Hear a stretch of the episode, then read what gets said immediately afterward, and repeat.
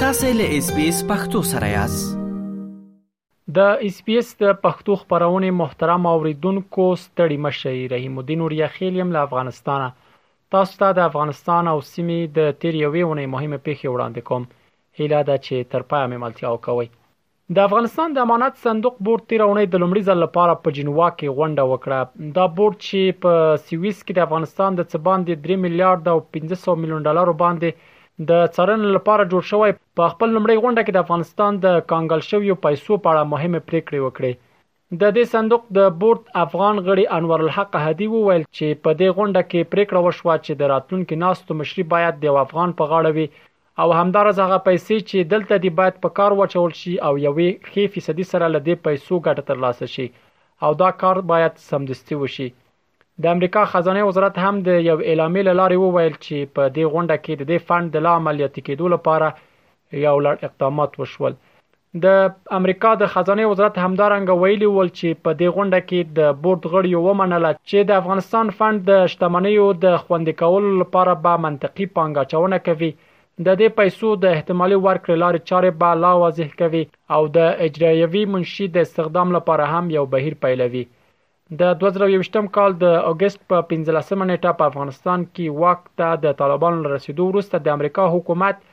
د اووه میلیارډ ډالرو په ارزښت د افغانستان شتمني کنګل کړې چې د طالبانو لاس ته ورنشي خو د امریکا ولسمشر جو بایډن د فبروري میاشت کې یو فرمان لاسلیک کړ چې له مخې د دغو پیسو نیمایي هغه د سپټمبر د یولسمې پیښې قربانیانو کورنۍ ته او پاتې نور یې د افغانستان له خلکو سره د بشري مرستو لپاره ځانګړې کړي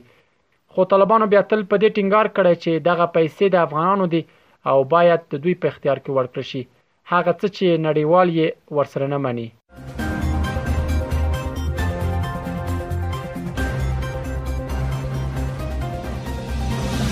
د افغانستان د پکتیا ولایت په ډنډ پټان ولسوالۍ کې ډیورند سره پر کرښه تیر اونۍ د طالبانو او پاکستاني ځواکونو ترمنځ د نښتې راپورونه ورکړل شول. د راپورونو له مخې دغه نښتې وروسته تر هغه وشوې چې پاکستاني ځواکونو غوښتل د ډیورنډ کرښې دې غاړې ته تاسیسات جوړ کړي. پاکستاني رسنیو له دغه پیښې وروسته په یاده نښته کې د یوه پاکستاني پوځي د وژل کېدو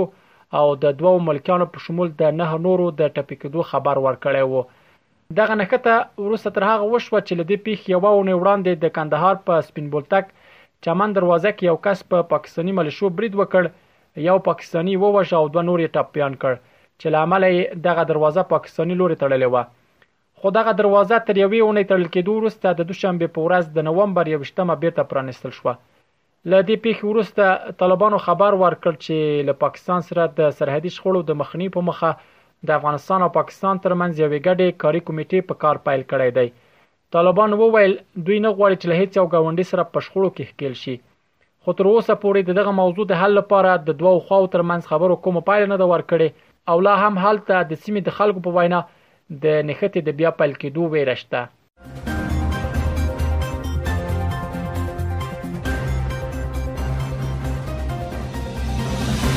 د افغانستان په اړه د نړیوال بانک یو سروې تیر اونۍ وښوده چې په دغه هیواد کې د ژوند شرایط لا پسې سخت شوي دي دغه سروې چې د روان 2022م کال د جون او اگست میاشتو ترمنځ تر سره شوې و وښوده چې له سیاسي ناورین یو کال وروسته په افغانستان کې د خلکو اقتصادي وضعیت بدل شوی دی دغه سروې کې راغلي وو چې د افغانستان دوه په درې برخې اوسیدونکي په سختۍ سره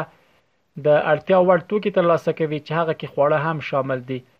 په ټوله کې دغه سروې کې د افغانستان د خلکو د ژوند تیاره انځور وړاندې شوی وو ځکه خلک کافي خواړو ته لاسرسي نه لري او شته حالت پر اقتصادي وضعیت او د افغانانو په ځانګړي ډول د ښځو او نجونو پر ژوند منفي اغیز کړی اخوا طالبان که څه هم په افغانستان کې اقتصادي ستونزې مني خو د دغه وضعیت د دوام پړه په نړیوالو اچوي ځکه د دوی په وینا د افغانستان پانګې کنګل کړي او پر افغانستان بانک یې بندیزونه لګولي دي پر افغانستان د طالبانو د بیا ځل واکمنۍ له پیل راهیسې دا د نږدې 15 میاشتې تیریږي خو حکومت یې تر اوسه هیڅ دولت په رسمیت نه دی پیژندلی او د افغانستان بانک نږدې 9 میلیارد پانګه کنګل شوې ده.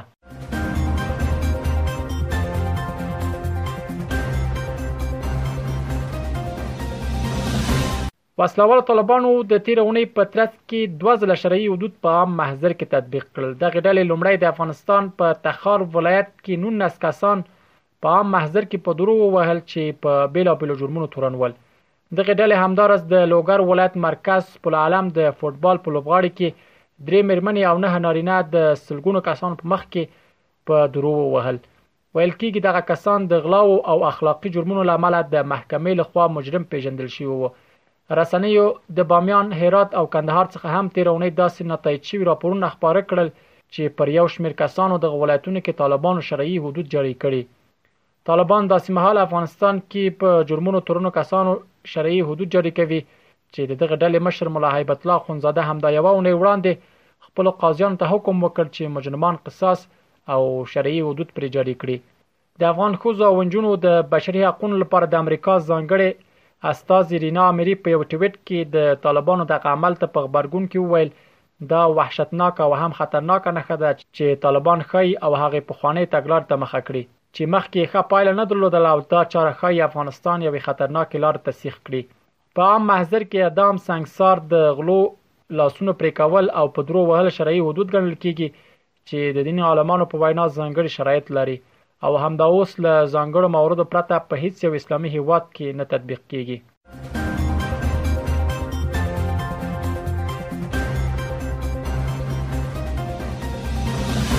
د دې اونۍ د پای موضوع هم دا چې د روسي ولسمشر ولادیمیر پوتین تیر اونۍ د ډلهییز امنیت تړون سازمان یا CSTO غونډه کې له افغانستانه د سیمې هیوادونو ته د ترهګرۍ د پراخېدو په اړه اندېښنه وښوده. د دغه سازمان غونډه چې د تېرې اونۍ د چهارشنبې په ورځ ترسره شوه، پوتین په خپله وینا کې وویل، اوس له افغانستان نه د ډلهییز امنیت سازمان غړو ته وسلهوال ګواښونه لوړ دي. پوتین وویل، هغه ګواښونه او اندېښنې چې له افغانستان نه د سیمې هېوادونو ته متوجه دي، پرته له شکه چې د سختې او ګډې مبارزې په ترڅ کې لرې کېدای شي، چې دغې برخې ته ټول ژمن دي. هغه دا هم وویل چې د ډله ییز امنیت تړون سازمان بل لومړیتوب دا دی چې په افغانستان کې د یو ټولګډونه حکومت د جوړېدو لپاره جدي کار وکړي هغه وویل چې روسیا او ورسره ملګري هیوادونه هڅه کوي افغانستان کې داسې یو ټولګډونه حکومت جوړ کړي چې ټول قومونه پکې ځان شامل وګڼي خو طالبانو له دې وړاندې او اوس هم نړیوالو ته تل دا ډاډ ورکړی چې له افغانستان نه هیڅ یو بل هیواد ته ګواښ متوجه نه دی او نه به هم دوی چاته اجازه ورکړي چې افغانستان خاوره د بل هیڅ یو هیواد پر ضد وکاروي دغه ډلې همدارس په وار وار ویلي چې حکومت یې ټولګډونه دی د یادونه ده چې په افغانستان کې د ترهګرۍ او ترهګریزو فعالیتونو په اړه اندېښنې وروسته تر هغه زیاتې شوې